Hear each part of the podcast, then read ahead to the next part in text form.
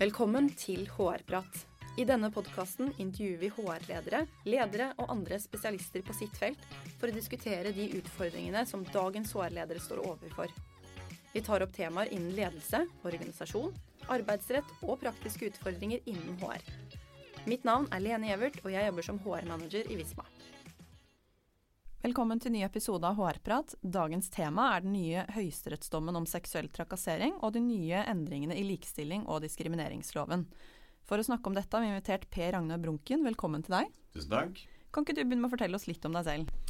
Jo, jeg jobber som advokat i advokatfirmaet Sands. Eh, der leder jeg vår eh, arbeidsrettsavdeling, eh, og jobber da til daglig med arbeidsrettslige problemstillinger og litt tilgrensende ting da, som personvern og lignende. Bra, takk. Rett før jul 22.12. så kom Høyesterett med en dom i en sak som omhandler seksuell trakassering. Så det er jo sikkert mange som ikke har rukket å sette seg helt 100 inn i den. Kan ikke du fortelle litt om både saken og den dommen som kom? Ja, det kan jeg gjøre. Dommen kom jo nå rett, uh, rett, før jul, tett opp til uh, julaften. Så er det nok sikkert få som uh, brukte romjula på den. Mm -hmm. dommen kan nok ses i et litt sånn større perspektiv, fordi man kan nok si at det gjerne er litt sånn klimakset av en, av en samfunnsutvikling og en rettsutvikling som har pågått de siste, siste årene kanskje helt fra hva skal jeg si, varslingsreglene kom for ganske mange år tilbake nå. Men husk at de er forholdsvis nye eh, i Norge. Mm. Og så har vi hatt en metoo-kampanje, en metoo-skandale, eh, kan man vel kanskje kalle det, eh, i, i, nyere tid. Eh, så, så denne, denne, dommen er nok en del av en utvikling. Det som er spesielt med saken, er jo at et rettslig spørsmål knyttet til dette med seksuell trakassering da, avgjøres i domstolen og går da helt til Høyesterett, hvor man får en for en rettslig avklaring da, på hva som ligger i eh, begrepet eh, seksuell trakassering. Så det er det som er det, som er det mest spennende med den dommen isolert, mm. men jeg syns det er viktig å se den i et litt større perspektiv. Men, men, kan du si litt kort om hva saken faktisk dreide seg om? Ja. Saken eh, omhandlet en, en, ung kvinne, eh, var vel ca. 20 år. Eh, jobbet som eh, mekaniker, eh, som eneste kvinnelige på dette mekaniske verkstedet et, et sted i Nord-Norge. Og hun ble jo da utsatt for uh, tilnærmelser, uh, uønskede tilnærmelser, da fra to kunder. Mm. Og det er litt uh, viktig å påpeke her, at denne saken omhandlet da ikke en, en seksuell trakasseringssak mellom to kollegaer, f.eks. Mm. Um, det som ble det rettslige etterspillet her, for å si det sånn, etter disse hendelsene Vi kan snakke litt mer om hva som skjedde, men hun saksøkte altså da disse to kundene og sin arbeidsgiver for seksuell trakassering. Og da brudd på uh, likestillingslovens uh, regler om det, hvor det også da finnes en erstatningshjemmel. Uh, så hun mm. søkte da erstatning fra disse to kundene og sin arbeidsgiver. Ja. Og utfallet ble? Utfallet ble at i lagmannsretten så ble arbeidsgiver dømt for å ha forbrutt seg for sine forpliktelser da, etter mm. likestillingsloven, hvor arbeidsgiver skal aktivt da søke for at dette ikke skjer uh, for sine ansatte. Uh, saken mot arbeidsgiver var ikke gjenstand for behandling i tingretten. Arbeidsgiver valgte å akseptere den dommen de fikk mot seg i lagmannsretten. Mm. Saken i Høyesterett omhandlet da erstatningssaken mot de to kundene. Ja. Hvor begge ble dømt for da seksuell trakassering, brudd på likestillingsloven, og da dømt å betale kvinnen en, en oppreisningserstatning. Mm. Du, du, er jo litt inne på det, men allikevel, du nevner jo dette her, eller presiserer jo dette med at dette her var snakk om to kunder og ikke kolleger. Hva er mm. forskjellen på egentlig disse to forskjellige typer sakene? Nei, altså øh, Hva som er seksuell trakassering, vil bli, vil bli, vurdert likt om det på en måte er en medarbeider eller om det er en kunde som uh, begår det. Mm. Uh, og det som er viktig her, er at arbeidsgiver er uh, ansvarlig for at dette ikke skal skje på mm. arbeidsplassen. Uansett om det skjer medarbeidere imellom, eller i dette tilfellet da en kunde, en ekstern, mot en av sine ansatte. Og det er jo lett å tenke seg andre eh, situasjoner, andre deler av arbeidslivet hvor dette her er meget aktuelt. Dette var jo mm. noe spesiell situasjon. Det var en kvinnelig medarbeider på et mekanisk verksted Eh, disse to kundene var innom eh, ofte, og de jobbet også i nærheten. Så det var en litt spesiell, litt spesiell situasjon og relasjon på denne arbeidsplassen. Men man kan jo tenke seg restaurantnæringen, mm.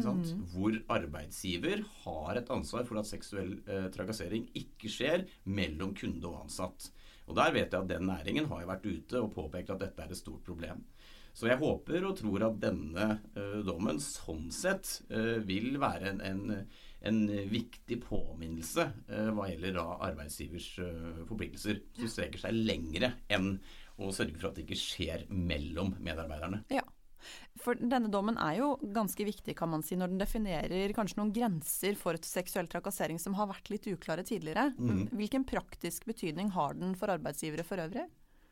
Altså, Den avklarer et rettslig på en måte, spørsmål av hvor grensen går, og hva som ligger i dette.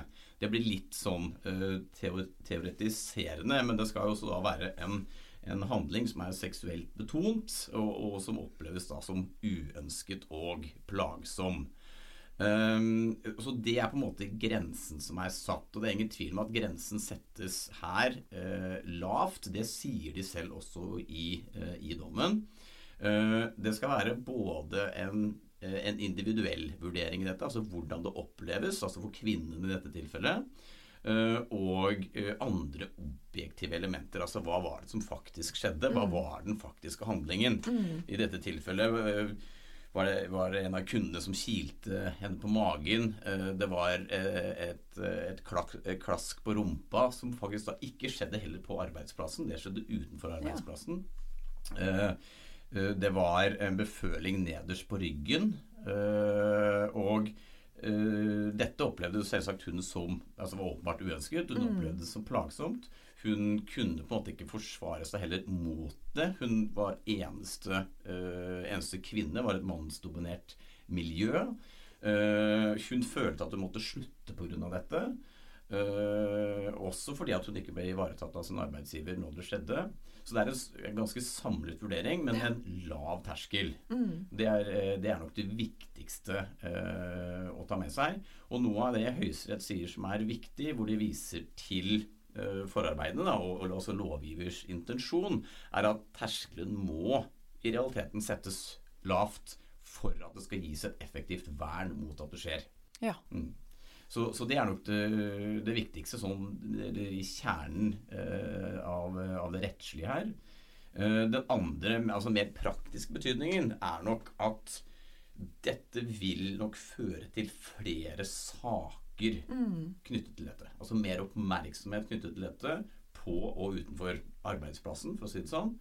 Um, det vil nok ganske sikkert føre til langt flere saker enn man kanskje hadde sett for seg i den nye nemnda ja. som skal behandle disse sakene. Og denne uh, dommen var meget viktig for å trekke opp den grensa som, eh, som denne nemnda må forholde seg til i de sakene som vil komme der nå eh, mm. fremover i tid. Ja. Men hva er det vi som arbeidsgivere kan lære av denne dommen, hvis du skal trekke frem noen viktige punkter? Eh, for arbeidsgiver så er det nok det aller viktigste er at det må reageres når man får kunnskap. For det var det som arbeidsgiver er bedømt for i realiteten på altså i lagmannsretten, som ikke var behandlet i, i Høyesterett, men fra lagmannsrettens dom så sto det at arbeidsgiver opptrådte klart klanderverdig eh, i forhold til å ikke eh, bevare eh, sikkerheten, rett og slett, for denne kvinnen. Eh, de var nok, som det fremgår av dommen, også klar over at noe av dette skjedde, uten å gripe inn. Mm. De tok ikke hånd om henne når, det, eh, når dette ble tatt opp, osv. Så, videre. så det viktigste eh, er nok det. Men der har det også kommet nå nye regler i forhold til hva arbeidsgivere må gjøre på dette området. For Man har fått et helt nytt regelsett som omhandler da en aktivitetsplikt, en redegjørelsesplikt osv. for hva man gjør i sitt arbeid da, mot uh, seksuell trakassering, mm. bl.a. Ja. Men det viktigste i sånne saker er i hvert fall at man som arbeidsgiver faktisk handler hvis man får nyss i om at det pågår et eller annet, eller at noen ansatte opplever noe som er eh, kritikkverdig. Ja, helt klart. Mm. Uh, og så er det jo uh, mye man for så vidt må gjøre før handlingen også. Uh, annet da å ha på plass gode varslingsrutiner. Absolutt. Som jeg håper og tror at de fleste har i dag. For det har vært mye fokus på det de de siste årene.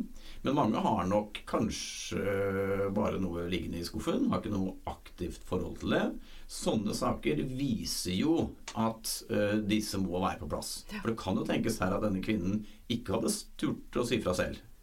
Uh, men andre må jo si fra. ikke mm. sant? Og for at arbeidsgiver også kan, skal kunne ivareta sin forpliktelse etter, etter HMS-regelverket for å skape et fullt forsvarlig arbeidsmiljø da, for denne kvinnen i denne saken og, og alle andre medarbeidere. Mm.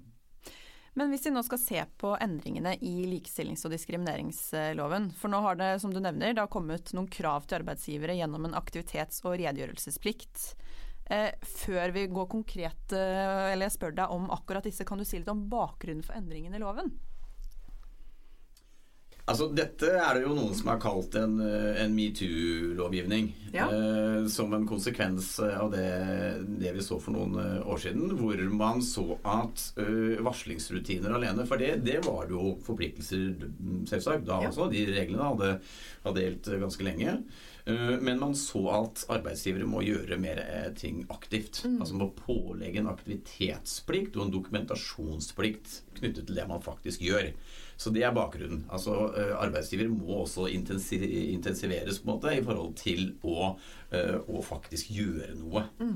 Uh, og ikke bare etablere disse rutinene som de lar, uh, lar kanskje bare ligge. Mm. Uh, så det er nok bakgrunnen. Og, og, så får vi se. Disse reglene trådte i kraft for akkurat et år siden. så de har jo bare vært i virke et år. og det blir litt spennende å se nå fremover Eh, hva, om vi kan se noen konkrete eksempler på hva arbeidsgivere uh, har gjort i året som har gått. Mm. Uh, så ble jo dette året meget spesielt uh, med tanke på at altså arbeidslivet har vært helt annerledes enn en noen gang før. Og arbeidsplassene har jo langt på vei vært nedstengt tre kvart del av 2020. Så, så, det blir, kanskje 2020 blir en litt dårlig pekepinn på det arbeidet som, som som ble pålagt arbeidsgiverne. Eh, men, eh, men, uansett så blir det, blir det, spennende å se fremover hvordan mm. dette regelverket slår inn. Hvor byrdefullt det i realiteten blir for arbeidsgiverne. Hva de eh, må gjøre, hva de faktisk gjør, hvordan de dokumenterer det osv. Eh, det positive med regelsettet er at det er ganske detaljert. Det står veldig sånn konkret hva de skal gjøre og, mm. og, og ikke. Så sånn sett er det lett å, eh, å, følge det. Men det er klart det kreves en god del administrasjon. Absolutt. Men hva, eh, hva innebærer aktivitets- og redegjørelsesplikten? Altså Aktivitetsplikten er litt sånn øh, tre-fire delt, for å si det sånn. For det første så må man, har man en undersøkelsesplikt. altså Man må undersøke om det foreligger risiko for at seksuell trakassering, f.eks., som vi snakker om nå, eh, kan, eh, kan forekomme. Eh, det er viktig å si at dette, dette, regelverket er bredere enn bare seksuell trakassering. Det er å jobbe for mangfold, likestilling ja. osv. Og så må man analysere årsakene til disse eventuelle risikoforholdene.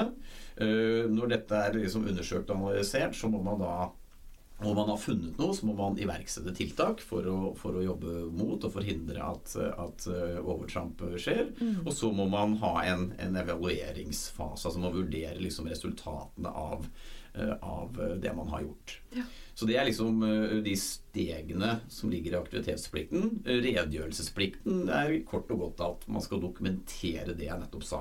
Altså ja. det vi faktisk har gjort. og, og det, det tror jeg nok er det som uh, blir litt spennende å se hvordan dette faktisk dokumenteres. Mm. Uh, det skal jo også uh, i praksis da behandles i styret i selskapene. det skal i hvert fall via styret på en eller annen måte. og denne redegjørelsen skal inntas i årsberetningen ja. for de selskapene som er pliktige å levere det. Mm. Som er de aller fleste, bortsett fra de veldig små. Mm. Ja, Det er vel over 50 ansatte, ja. er det ikke det? Ja. Men eh, du nevner jo at eh, fjoråret var litt sånn unntaksår. Det er jo kanskje mange som ikke har kommet ordentlig i gang med det. Men eh, hvis flere hører på nå og tenker litt sånn oi, her har man en liten jobb å gjøre. Eh, hva er det man da eh, Ja, hvordan skal man da klare å komme i gang, og hva er viktig for at man skal klare å oppfylle disse kravene, tenker du?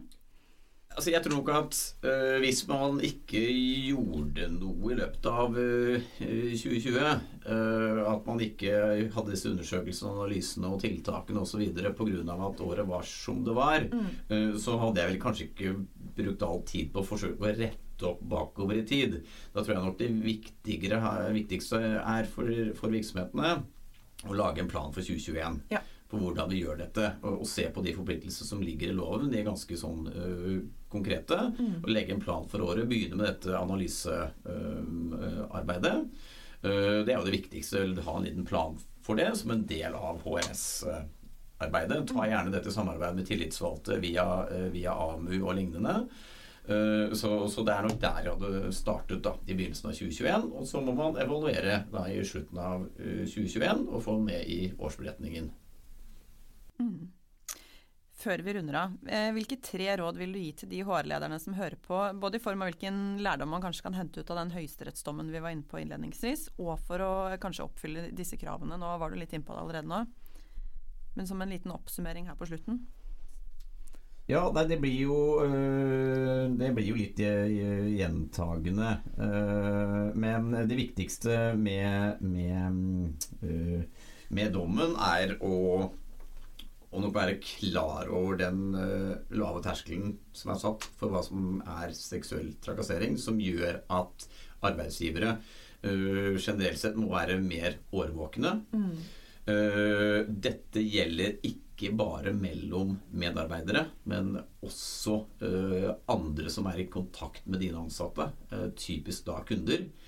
Så jeg vil være de, de arbeidsgiverne som har ansatte som i stor grad er i mye kundekontakt, fysisk kundekontakt, øh, de må nok være ekstra årvåkne øh, på dette.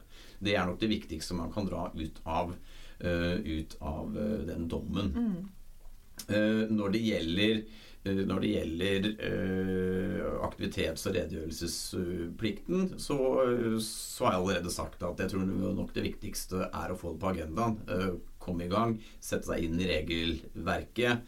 Uh, uh, gjør det du klarer hva gjelder 2021, men, men prøv å gjøre en best mulig jobb for Nei, for 2020, beklager, men prøv å gjøre en, en best mulig jobb for, for 2021. Ja.